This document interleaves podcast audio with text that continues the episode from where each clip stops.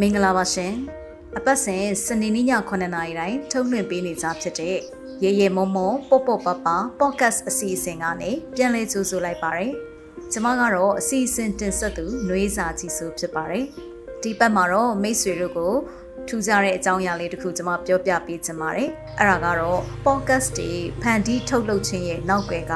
ကျွန်မရရှိခဲ့တဲ့အကျိုးကျေးဇူးလေးတွေကိုမိတ်ဆွေတို့ကိုပြန်လည်ဝေမျှပေးမှာဖြစ်ပါတယ်။ဒီလိုပြောလို့ကျွန်မတော်ကြောင်းတက်ကြောင်းတွေပြောမယ်လို့မိတ်ဆွေမထင်လိုက်ပါနဲ့။ဒီ podcast တစ်ခုထုတ်လုပ်ခြင်းရဲ့နောက်ွယ်ကနေကျွန်မရဲ့သင်ယူရရှိမှုတွေဒီ podcast ထုတ်လုပ်ခြင်းအပြင်ကျွန်မရဲ့တိုးတက်မှုတွေနဲ့မိတ်ဆွေတို့ကိုလည်းကျွန်မလိုမျိုး podcast တင်ဆက်သူတွေဖြစ်လာအောင်လို့ ဘယ်လိုနီးလန်းနေနဲ့လှုပ်လို့ရနိုင်လဲဆိုတာကိုကျွန်မကဝေမျှပေးမှာဖြစ်ပါတယ်။ဒါကြောင့်မလို့ဒီအစီအစဉ်ကိုစိတ်လက်ပေါ်ပါစွာနဲ့မိတ်ဆွေကနားထောင်ဖို့လိုအပ်ပါတယ်။တခြားသောစိတ်ဝင်စားစရာအကြောင်းအရာတွေရှိနေမယ်ဆိုရင်မိတ်ဆွေခဏဖယ်ထားပြီးတော့မှဒီအစီအစဉ်မှာတကယ်ပဲအတန်နဲ့တင်ဆက်ခြင်းနဲ့အတမွေးဝမ်းကြောင်းပြုကျင်တဲ့သူတွေ ကိုယ့်ရဲ့အတန်စွမ်းရည်ကိုဖော်ထုတ်တင်ဆက်ခြင်းတဲ့သူတွေအနေနဲ့ဒီအစီအစဉ်ကိုတည်တည်ချာချာနားထောင်ကြည့်မယ်ဆိုလို့ရှိရင်ကိုယ့်အတွက်ကောင်းကျိုးတစ်စုံတရာရနိုင်မယ်လို့ကျွန်မမျှော်လင့်ပါတယ်။ကဲဒီလိုဆိုရင်ကျမတို့စလိုက်ကြရအောင်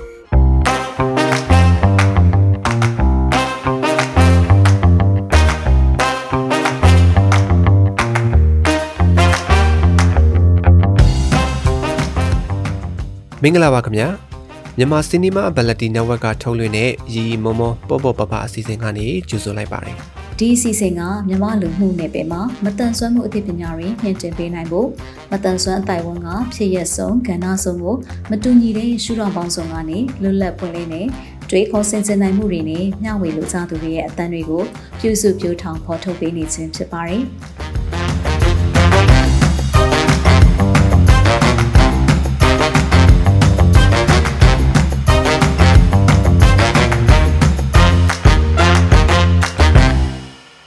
မအောင်ဆုံးအနေနဲ့ဒီ podcast ဖန်တီးခြင်းကနေကျွန်မရရှိခဲ့တဲ့အကျိုးကျေးဇူးကတော့စိတ်သက်ကြခြင်းကိုပြန်ပြီးတော့ခုခံတွန်းလှန်နိုင်ခဲ့တာဖြစ်ပါတယ်။တကယ်တမ်းအားလုံးသိတဲ့အတိုင်းပါပဲ2022ခုနှစ်မှာကျမတို့ဟာ COVID တတိယလှိုင်းကိုအပြင်းအထန်ခံစားခဲ့ရပါတယ်။အဲ့ဒီအချိန်မှာကျမအနေနဲ့စိတ်သက်ကြခြင်းနဲ့အတူကိုဗစ်ကူးစက်ခြင်းကြောင့်မို့လို့နောက်ဆက်တွဲကျန်းမာရေးဆိုးကျိုးတွေကိုရရှိခဲ့တဲ့ကာလဖြစ်ပါတယ်။အဲ့ဒီတုန်းကဆိုလို့ရှိရင်ကျမကိုယ်တိုင်လည်း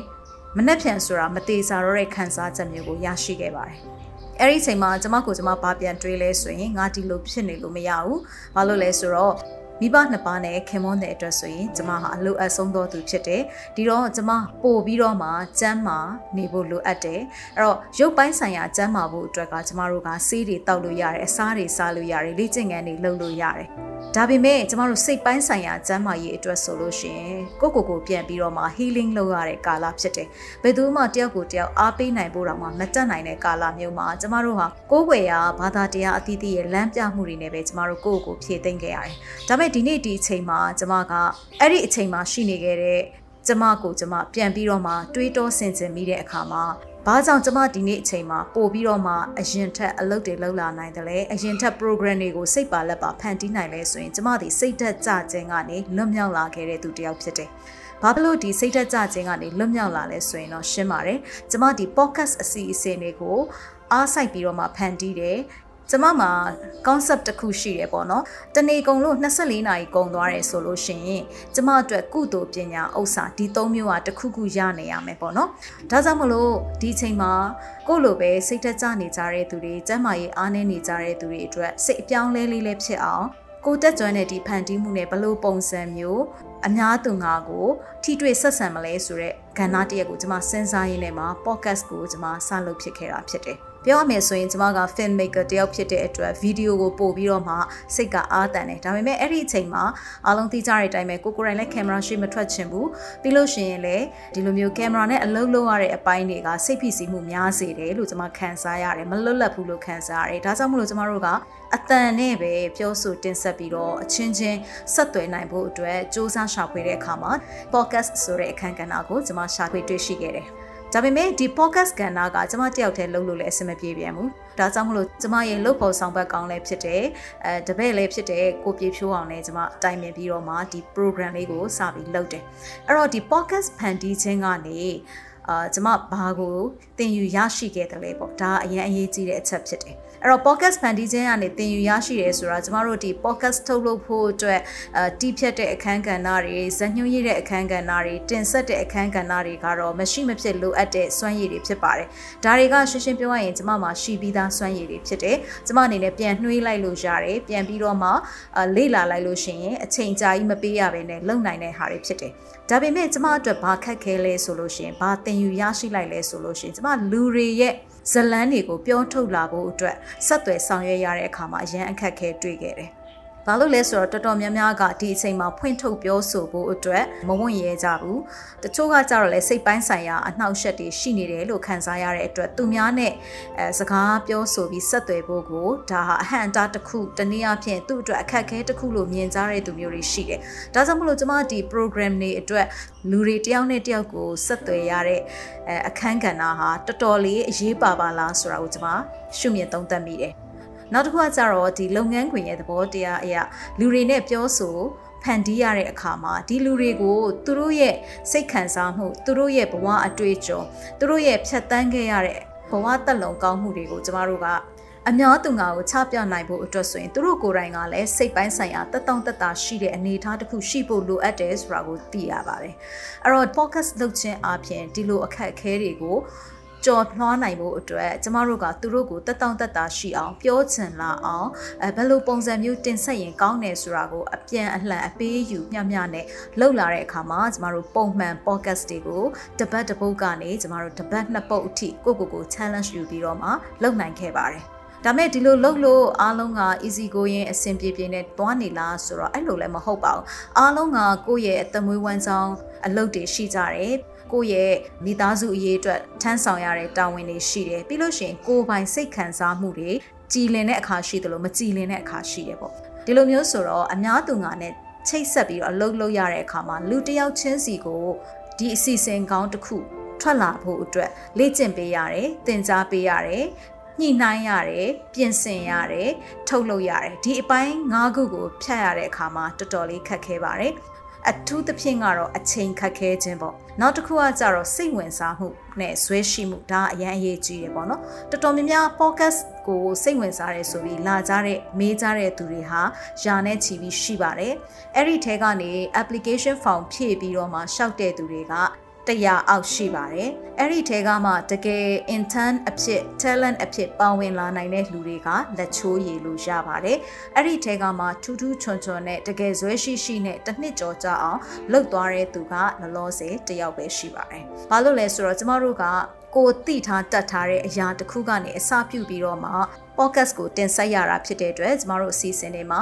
အားနည်းချက်ရှိကောင်းရှိနိုင်တယ်။နောက်ပြီးတော့ကျမတို့က budget တွေနဲ့လုပ်နေတဲ့ program တွေမဟုတ်ဘူး။ no budget ပေါ့နော်။ budget လုံးဝမရှိဘဲလုပ်တဲ့ program ကိုထုကိုထ program ဖြစ်တဲ့အတွက်ကြောင့်မလို့ကျမတို့မှာကအပြန်အလှန်ထောက်ပံ့ပေးကမ်းနိုင်တဲ့ငွေကြေးအားဖြင့်တော့၎င်းစက်ပစ္စည်းအားဖြင့်တော့၎င်းမရှိဘူးဒါကြောင့်မို့လို့လူတွေရဲ့စိတ်ဝင်စားမှုကိုရေရှည်ဆွဲထားနိုင်ဖို့ဆိုတာကအဲ့ဒီလူတွေကိုကျမတို့က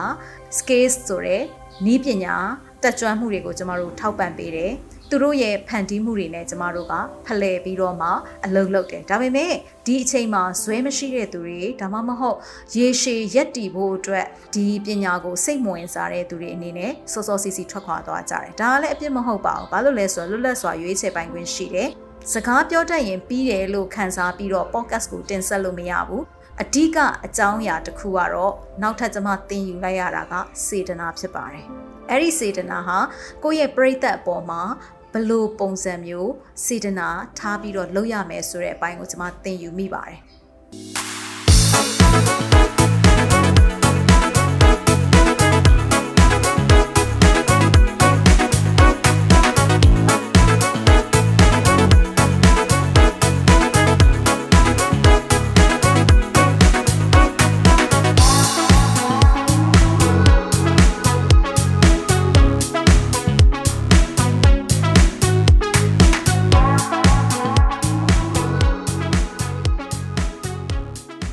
နောက်တစ်ခုကကြတော့တင်ဆက်သူကိုကျမတို့ကအကအကွယ်ပေးဖို့လိုပါတယ်။အော်တင်ဆက်သူတွေရဲ့သဘောဆန္ဒ concept ကိုကျမတို့ကအကအကွယ်ပေးဖို့အတွက်လိုအပ်တယ်လို့ကျမတို့အတွက်လည်းအကအကွယ်ယူဖို့လိုအပ်ပါတယ်။ဘာလို့လဲဆိုတော့သဘောဆန္ဒတူမျှမှသာလျှင်ကျမတို့က program ကောင်းတစ်ပုဒ်ကိုအတူထုတ်လုပ်နိုင်တာဖြစ်တယ်။ကာယကံရှင်ကမပြောဆိုခြင်းတဲ့အကြောင်းအရာတခုကိုကျမတို့ကဆွဲယူပြီးတော့အတင်းလာပါပြောပါလို့ဖိတ်ခေါ်လို့မရပါဘူး။ဒါကြောင့်မလို့ကာယကံရှင်ရဲ့သဘောဆန္ဒအရင်အရေးကြီးပါတယ်။ နောက်တစ်ခုကကြာကျမတို့နဲ့လက်တွဲပြီးအလုပ်လုပ်တဲ့အခါမှာလုပ်ငန်းသဘောတရားအရာအပြန်အလှန်အတိမတ်ပြုမှုတာဝန်ယူမှုတာဝန်ခံမှုတွေရှိဖို့လိုအပ်ပါတယ်။ဒါကြောင့်မလို့ဒီအခန်းကဏ္ဍဟာလည်း podcast ကောင်းတစ်ခုဖြစ်ဖို့အတွက်လိုအပ်တဲ့အခန်းကဏ္ဍဆိုတာကိုကျမ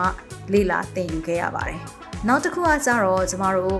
စေတနာဆိုတဲ့အခန်းကဏ္ဍကိုပြန်သွားမယ်ဆိုလို့ရှိရင်ကျမတို့တင်ဆက်လိုက်တဲ့စကားလုံးတိုင်းဟာလေ့လာမှုသင်ယူမှု လိုက်နာမှုဆိုတဲ့အခန်းကဏ္ဍ၃ခုကိုတွားနိုင်ဖို့အတွက်လိုအပ်ပါတယ်ကျမတို့ပြောလိုက်တဲ့အကြောင်းအရာကိုမကြားဘူးသေးဘူးဆိုရင်ဒါဟာလေ့လာမှုတစ်ခုဖြစ်တယ်သူထပ်ပြီးတော့မှသူဟာသူဒီထက်ပိုသိချင်ရင်ဆက်ပြီးတော့ချဲ့ထွင်လေ့လာလို့ရတယ်တင်ယူမှုဆိုတာကြတော့လူတစ်ယောက်ရဲ့ဘဝဖြတ်သန်းမှုကဖြစ်စေလူတစ်ယောက်ရဲ့သိမြင်တက်ကြွမှုကဖြစ်စေသူဝေမျှလိုက်တဲ့အကြောင်းအရာတစ်ခုကနေကိုယ်ကပြန်ပြီးတော့မှ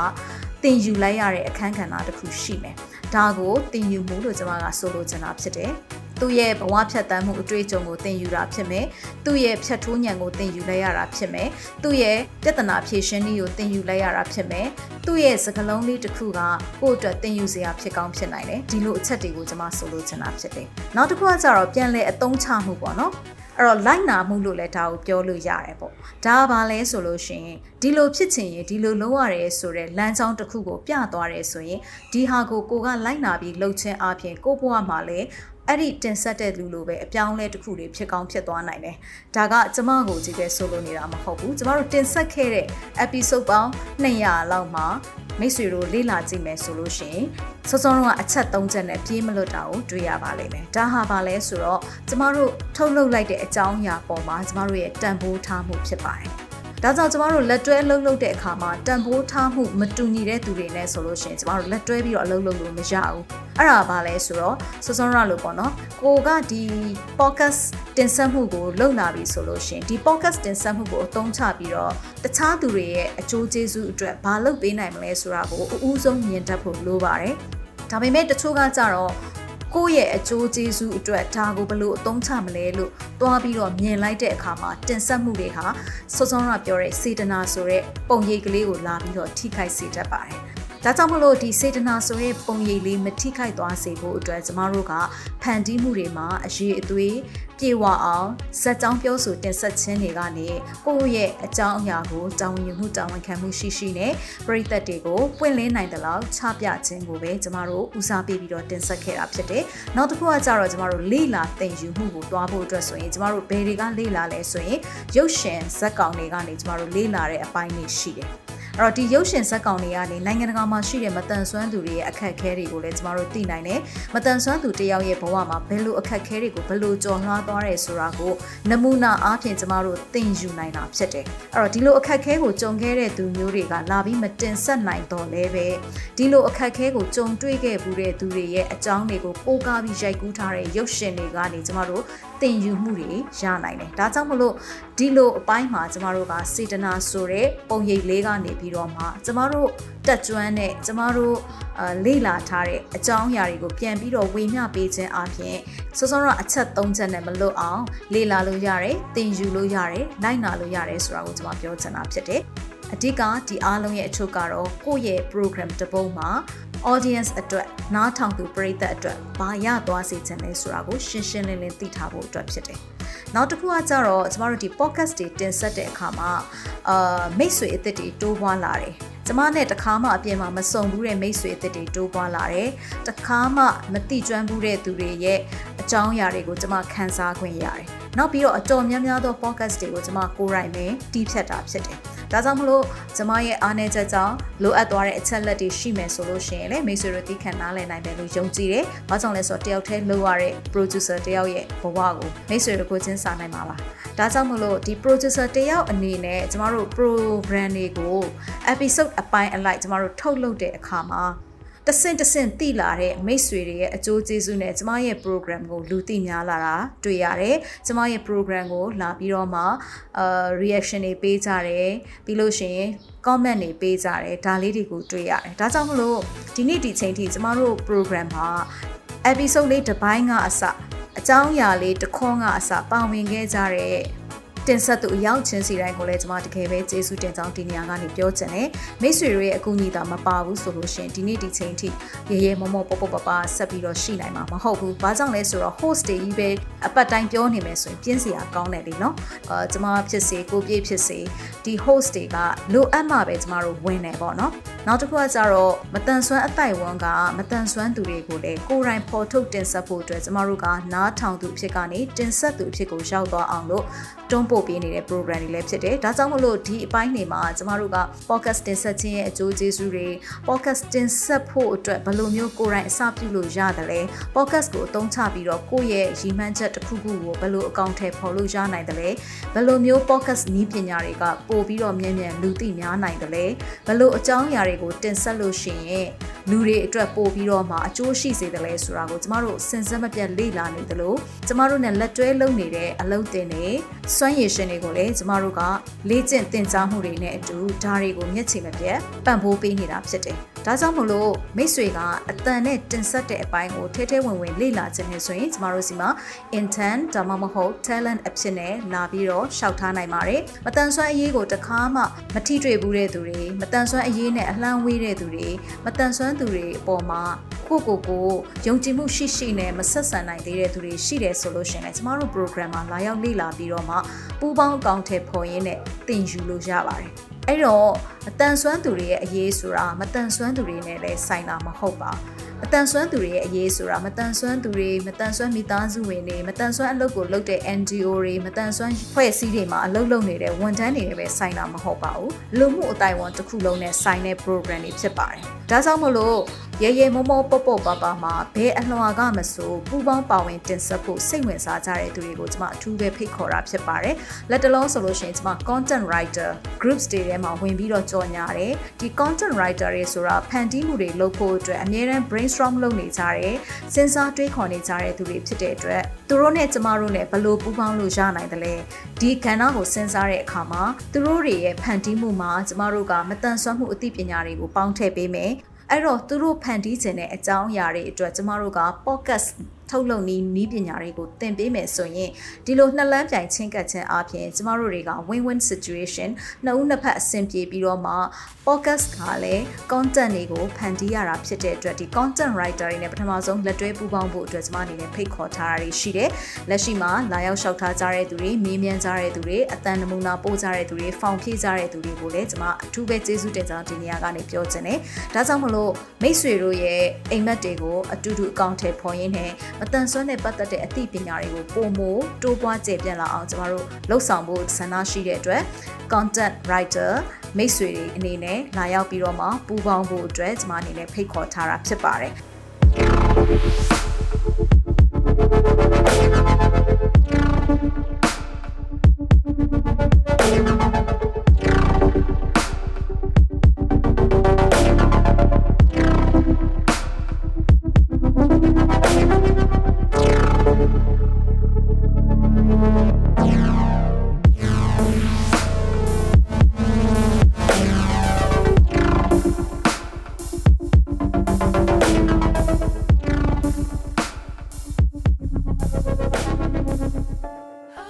က်တစ်ခုကကြတော့ podcast တစ်ခုလုပ်ဖို့အတွက်ဆိုရင်ဒီနေ့ခေတ်မှာအရန်ကြီးကြီးတဲ့ပစ္စည်းတွေအရန်ကို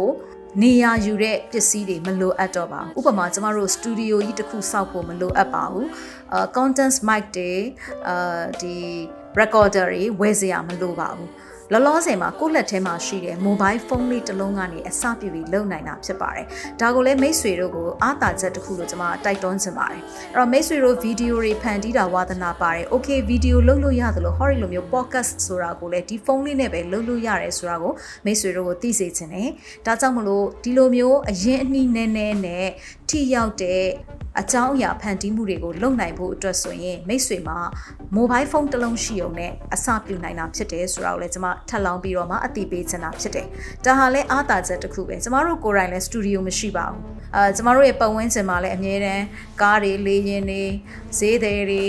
အဲဂျင်းငှက်တွေအကုန်ရှိပါတယ်အတန်ထွက်နိုင်တာတွေပေါ့နော်နောက်ပြီးကက်ဆက်ဖွင့်တာတို့နော် sound box တွေနဲ့ ကြော်ညာတာတို့တွေရှိပါတယ်ဒါပေမဲ့လည်းကျမတို့တွေကဒါကိုအတန်ကောင်းကောင်းရအောင်ဘယ်လိုယူမလဲဘယ်လိုပုံစံမျိုးလေးနဲ့ကျမတို့ဖန်တီးတင်ဆက်မလဲဆိုတာကိုနီလန်းလေးတွေသိထားရဲဆိုရင်အရန်မဆိုးဝါးတဲ့အတန်တွေကိုရလာပြီဆိုရင်ကျမတို့ပို့ပြီးတော့ကောင်းတဲ့ program လေးတစ်ပုဒ်ဖြစ်လာအောင်အတန်ကိုတန့်စင်အချော့တက်ပြီးတော့မှ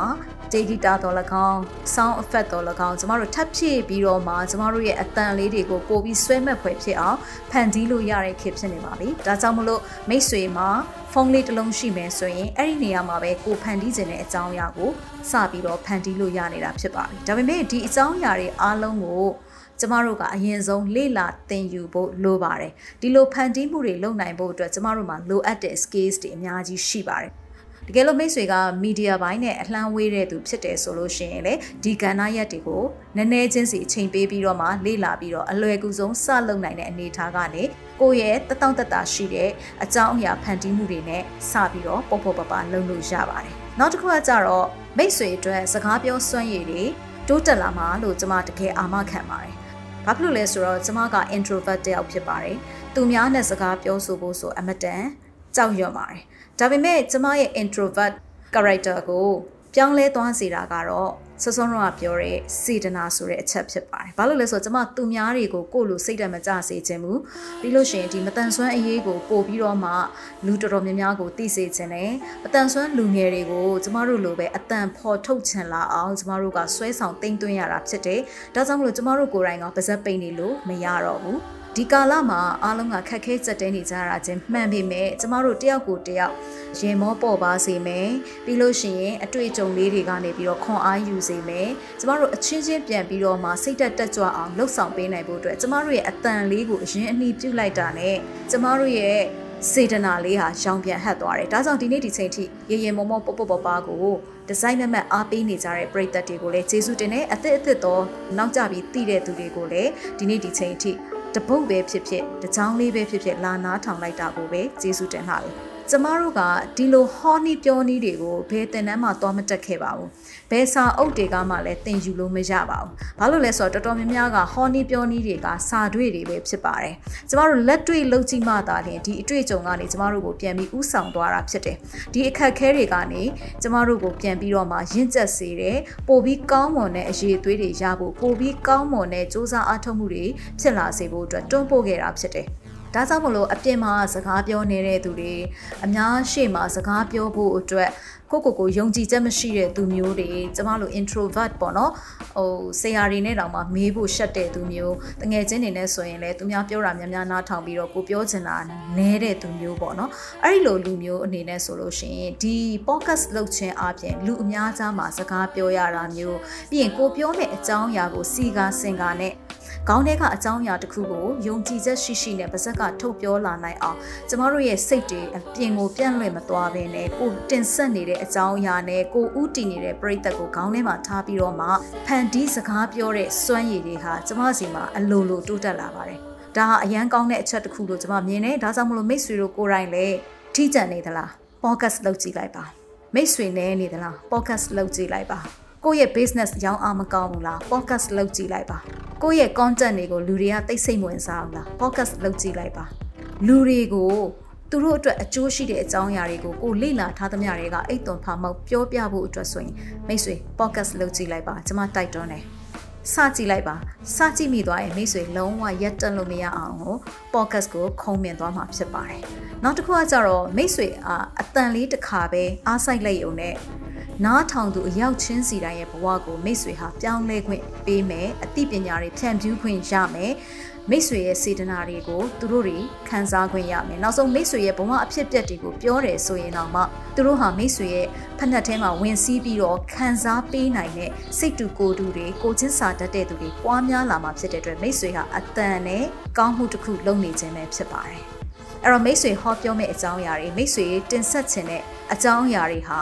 အစိတ်အတောက်ကင်းဖို့အရန်ရေးကြီးပါအစိတ်တောက်ဆိုတာကတခြားသူတွေကိုအထင်မြင်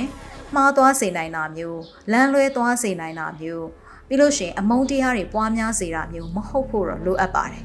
မိတ်ဆွေကအမြဲတမ်းအပြုသဘောဆောင်ရမယ်လို့ကျွန်မမဆိုလိုပါဘူးဒါပေမဲ့မိတ်ဆွေရဲ့ဖြစ်တည်မှုနဲ့မိတ်ဆွေရဲ့တင်ဆက်မှုတွေဟာအများအတွက်တော့အပြုသဘောဆောင်ရင်ပိုကောင်းပါတယ်ဒါကြောင့်မလို့မိတ်ဆွေရဲ့ program တွေကို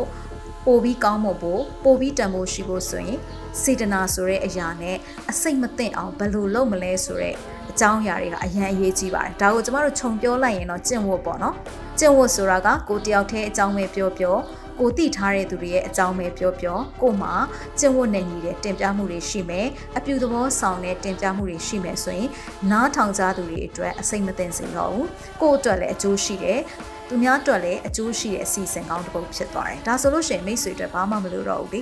ဒီတင်ဆက်မှုတွေကနေမိတ်ဆွေကောင်းတွေပေါ်ပေါက်လာမယ် တင်ဆက်သူကောင်းတွေထပ်ပြီးတော့လက်တွဲလာနိုင်မယ်ကိုယ့်ရဲ့စီးပွားရေးနဲ့ပတ်သက်တဲ့လုပ်ဖော်ဆောင်ဘက်ကောင်းတွေအမှုပညာနဲ့ပတ်သက်တဲ့လုပ်ဖော်ဆောင်ဘက်ကောင်းတွေထပ်ပြီးတော့ရလာနိုင်တယ်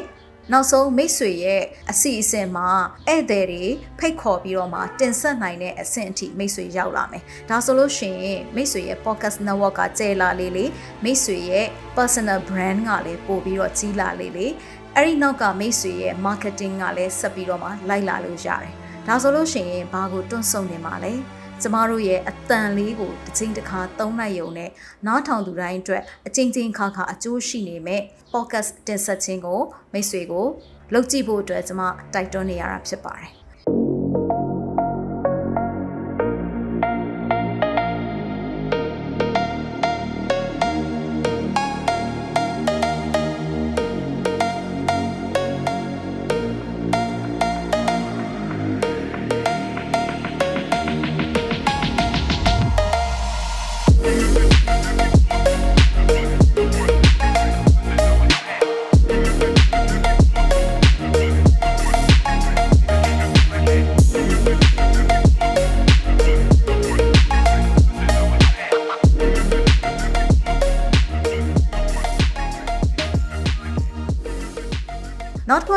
မဘာသင်ယူရလဲဆိုရင် last minute change လို့ခေါ်တဲ့နောက်ဆုံးပိုင်းမှာနောက်ဆုံးအနီးအနားကပ်မှကပ်ပြုတ်သွားတဲ့အစီအစဉ်လေးကပ်ပြီးတော့မှအစင်မပြေဖြစ်သွားတာတွေအတွက်ကျမတို့တွေကတပတ်နှစ်ပုတ်ဆိုနှစ်ပုတ်ပုံမှန်လွှင့်ဖို့အတွက်တန်ဋိဌာန်ချထားတဲ့အခါမှာဒါကိုမပြတ်အောင်ဘယ်လိုလုပ်ရမလဲဆိုတော့ struggle လုပ်ရတာပေါ့နော်ကျမရုန်းကန်ရမှုတွေရှိတယ်အခုကာလဆိုရင်ဒါလျှက်စစ်မီးရလဲကျမရဲ့ရုန်းကန်ရမှုတစ်မျိုးပဲအဲပြီးလို့ရှိရင် တင်ဆက်သူအစ်စ်တွေကိုဖိတ်ခေါ်ရတာလေကျမတို့ရုန်းကန်ရခြင်းတစ်မျိုးပဲတင်ဆက်သူအဟောင်းတွေကိုလည်းပုံမှန်ထုတ်လွှင့်နိုင်ဖို့အတွက်အားပေးတိုက်တွန်းပြီးတော့ကြီးကြပ်ရတာလေကျမတို့ရဲ့အရေးသွေးတွေပဲနောက်ပြီးတော့အချိန်နဲ့ကပ်ပြီးတော့မှအလင်းအမြန်လောက်တတ်တဲ့အလေးအကျင့်ပေါ့နော် ဒါလေးတွေကကျမတို့အလေးကျင့်ကောင်းတွေဖြစ်လာတယ်နောက်ပြီးတော့ကျမတို့အခုဆိုရင် channel ကတစ်ခုမကတင်ရတဲ့အတွက် channel တစ်ခုချင်းစီမှာရှိတဲ့ criteria တွေပေါ့နော်အချက်အလက်တွေကိုကျမတို့ပြည့်စုံအောင်ထည့်ပြီးစဉ်းစားရတာလောက်ရတဲ့အပိုင်းကတော်တော်လေးစိန်ခေါ်မှုတွေရှိတယ်ပေါ့နော် duration လို့ခေါ်တဲ့ဒီ podcast ရဲ့အတူရှိပေါ်မူတည်ပြီးတော့လေကျမတို့အတွက်စိန်ခေါ်မှုတွေရှိတယ် channel တစ်ခုနဲ့တစ်ခုလက်ခံပုံချင်းမတူတဲ့အတွက်နောက်ပြီးလို့ရှိရင် music လိုမျိုးပေါ့နော်ကျမတို့ copyright ပေါ့မူပိုင်ခွင့် သဘောတရားတွေလည်းကျမတို့ free ရတယ်ဆိုတိုင်းသုံးလို့မရပြန်ဘူးဒီ channel တစ်ခုမှာကျမတို့ free ဖြစ်လို့အဆင်ပြေနေပြီမဲ့နောက် channel တစ်ခုမှာအဲ့ဒါက copyright သွားထင်ရင်ထင်တယ်ဒါမျိုးပေါ့နောက်တစ်ခုကကျတော့ကျမတို့ဒီဆက်သွယ်ပြီးတော့မှအတန်တွေကိုတောင်းတဲ့အခါမှာအတန် quality တွေပေါ့တချို့ကျတော့ ပတ်ဝန်းကျင်စူညံမှုရှိတဲ့အချိန်မျိုးတွေမှာလည်းတွင်းထားကြတာမျိုးတွေရှိတယ်အဲ့ဒါမျိုးဆိုရင်ကျမတို့က program တစ်ပုဒ်ကိုလက်ခံပြီးတော့မှသူတို့ကိုထုတ်တဲ့မထုတ်တဲ့ဆိုတာကျမတို့မှပြန်ပြီးချိန်ရတယ်သူ့အနေနဲ့နောက်တစ်ပိုင်းထပ်ပြီးတော့လုတ်ပေးနိုင်သေးရဲ့လားဆိုတာမျိုးအတန်သွင်းပေးနိုင်သေးရဲ့လားဆိုတာမျိုးကျမတို့ချိန်ပြီးစဉ်းစားရတယ်ဒါကြောင့်မလို့အများနဲ့ချိတ်ဆက်ပြီးတော့မှဖုန်းလေးတစ်လုံးတည်းနဲ့အတန်ကောင်းကောင်းရဖို့အတွက်လုပ်ရတဲ့အခါမှာလည်းတော်တော်လေးစိန်ခေါ်မှုတွေရှိတယ်ဒါတွေကိုတော့ကျမကအခက်ခဲလို့မမြင်ဘဲနဲ့ စိန်ခေါ်မှုလို့မြင်တယ်စိန်ခေါ်မှုဆိုတာကျမတို့ကိုကြော်လွှားစေဖို့အတွက်အခွင့်အလမ်းပေးနေတာဖြစ်တယ်ဒီအခွင့်အလမ်းတွေကိုကျမတို့ လက်စုပ်လက်ကင်ရပြီးတော့ကြော်လွှားခဲ့လို့ဒီနေ့ဒီချိန်မှာကျမတို့ကဆက်ပြီးတော့တပတ်နှစ်ပုတ်ကိုအချိန်မပြတ်နဲ့လွှင့်နိုင်နေတာဖြစ်ပါတယ်ဒီလိုလွှင့်နိုင်ဖို့အတွက်နောက်ွယ်မှာ team work ပေါ့နော်ရှိတဲ့လူအင်အားနဲ့အချိန်ပေးနိုင်တဲ့လောက်လူတွေနဲ့ကျမတို့ချိတ်ဆက်ပြီးတော့အလုပ်လုပ်နေရတာဖြစ်တယ်။တချို့တွေဆိုရင်ဇက်တိုက်လုပ်ပေးရတဲ့အခန်းကဏ္ဍတွေရှိတယ်လို့တချို့တွေဆိုရင်အကြာကြီးနေမှာတစ်ခါလောက်ပဲလုပ်ပေးရတဲ့အခန်းကဏ္ဍတွေရှိတယ်။ဒါပေမဲ့ကျမတို့တွေအားလုံးကအာ team work အားကောင်းကောင်းနဲ့တယောက်နဲ့တယောက်နှွေးထွေးစာနဲ့ နားလည်လက်ခံပြီးတော့မှဒီနေ့ဒီချိန်ထိအကောင်းဆုံးချီတက်နေတာဖြစ်တယ်။အဲ့တော့ podcast ထုတ်လုပ်ခြင်းဟာကျမတို့ရဲ့ team work ရဲ့စိတ်ဓာတ်တွေကိုလည်းပို့ပြီးတော့မှကြန့်ခိုင်စေတာဖြစ်တယ်။တယောက်နဲ့တယောက်ဘလောက်တိုင်းတာထိခွင့်လွှတ်ပေးနိုင်လဲဘလောက်တိုင်းတာထိနားလည်ပေးနိုင်လဲဘလောက်တိုင်းတာထိသူ့ကိုဆွဲခေါ်လို့ရမလဲဆိုတဲ့ဟာတွေကိုကျမတို့သင်ယူတတ်လာတယ်။နောက်ဆုံးတစ်ချက်ကတော့ကျမလူငယ်အတော်များများနဲ့စကားပြောပြလာတယ်။ တခါမှအပြင်မှာမသိသေးတဲ့သူတွေတခါမှအပြင်မှာမစုံဘူးသေးတဲ့သူတွေနဲ့ကျမဒီ podcast လုပ်ခြင်းအပြင်စကားပြောခွင့်ရလာတဲ့အခါမှာသူတို့မှာဒီလိုမျိုးအတန်နဲ့တင်ဆက်တဲ့အိမ်မက်တွေရှိချောင်းကျမနားလည်လာတယ်။ဒါပေမဲ့သူတို့ကသူတို့ရဲ့မတန်ဆွမ်းမှုအသီးသီးကြောင့်မို့လို့သူတို့ရဲ့အတန်တွေကိုအများသူငါကိုချိတ်ဆက်ဖို့အတွက်ယုံကြည်မှုအားနည်းနေကြတဲ့သူတွေရှိတယ်။ဒါတွေကိုကျမတို့ကလက်တွဲပြီးတော့မှဖော်ထုတ်ပါ။လောလောဆယ်တော့ကျမတို့ရဲ့ program မှာ sign language အနေနဲ့ ပါဝင်ကူညီပေးနိုင်တဲ့သူမရှိသေးတဲ့အတွက်ကြောင့်မို့လို့ကျမတို့ဘက်ကနီးပညာပိုင်းအရာလုပ်ပေးနိုင်တာကစာရန်ထိုးမယ် transcript အဲဒီပြောသမျှစကားတွေကိုပြန်ရေးပေးမယ်ဒါမျိုးတွေကျမတို့လုပ်ပေးနိုင်တယ်ဆိုတော့အခုဆိုလို့ရှိရင်ကျမတို့ channel မှာတဖြည်းဖြည်းနဲ့ဒီအတန်အားဖြင့်ပေါ့နော်မပီသားတဲ့သူမျိုးတွေအတန်အားဖြင့်ဆက်သွယ်ဖို့အတွက်ယုံကြည်ချက်မရှိတဲ့သူမျိုးတွေတောင်ကျမတို့ရဲ့ channel မှာလာပြီးတော့တင်ဆက်နေနိုင်တာကိုတွေ့ရတဲ့အတွက်အယံဝမ်းသာဖို့ကောင်းတယ်အဲ့တော့သူတို့ရဲ့တင်ဆက်မှုတွေကိုလည်းမိတ်ဆွေတို့ကြုံကြိုက်တဲ့အခါမှာတည်တည်ကြကြလေးအချိန်ယူနားထောင်ပြီးတော့အားပေးဖို့အတွက်ကျမအနေနဲ့တိုက်တွန်းခြင်းတယ်ဒါမှသာလေသူတို့ယုံကြည်ချက်ရှိရှိနဲ့အများပြည်သူကိုချိတ်ဆက်ပြောဆိုနိုင်တဲ့စွမ်းရည်တွေတိုးတက်လာမှာဖြစ်တယ်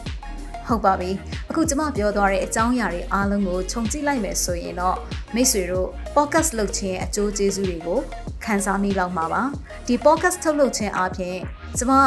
တခြားသော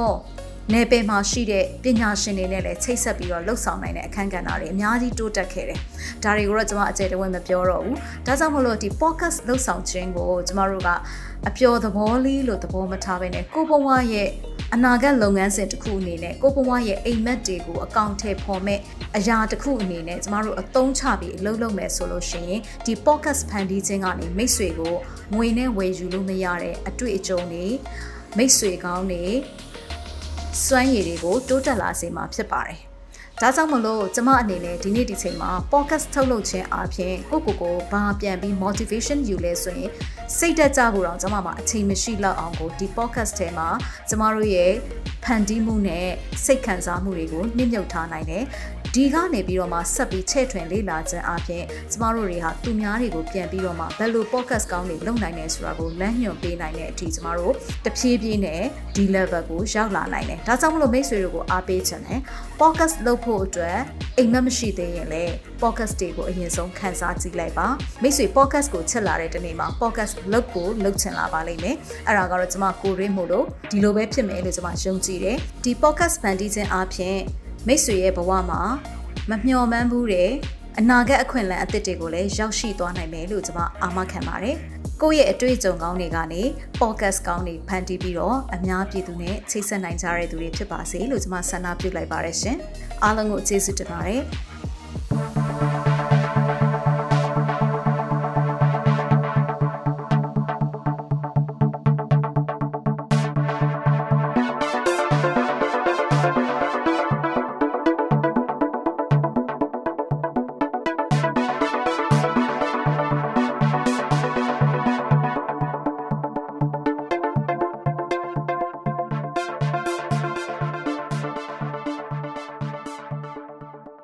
ယခုအစီအစဉ်ကိုမိတ်ဆွေတို့အနေနဲ့အစအဆုံးနားထောင်ပြီးပြီဆိုရင်တော့မိမိတို့ရဲ့သဘောထားမှတ်ချက်များကိုပေးနိုင်ပါပြီနော်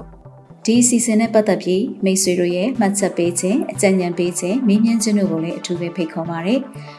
မိမိတို့ရဲ့ပူပေါင်းတင်ဆက်မှုအတွက်ဒါမှမဟုတ်စုံစမ်းမေးမြန်းမှုအတွက်စိတ်ဝင်စားတဲ့ဆိုရင်တော့မြန်မာ cinemaability@gmail.com ဒါမှမဟုတ်တင်ဆက်သူများရဲ့ Viber နံပါတ်များဖြစ်တဲ့ကိုပြည့် 39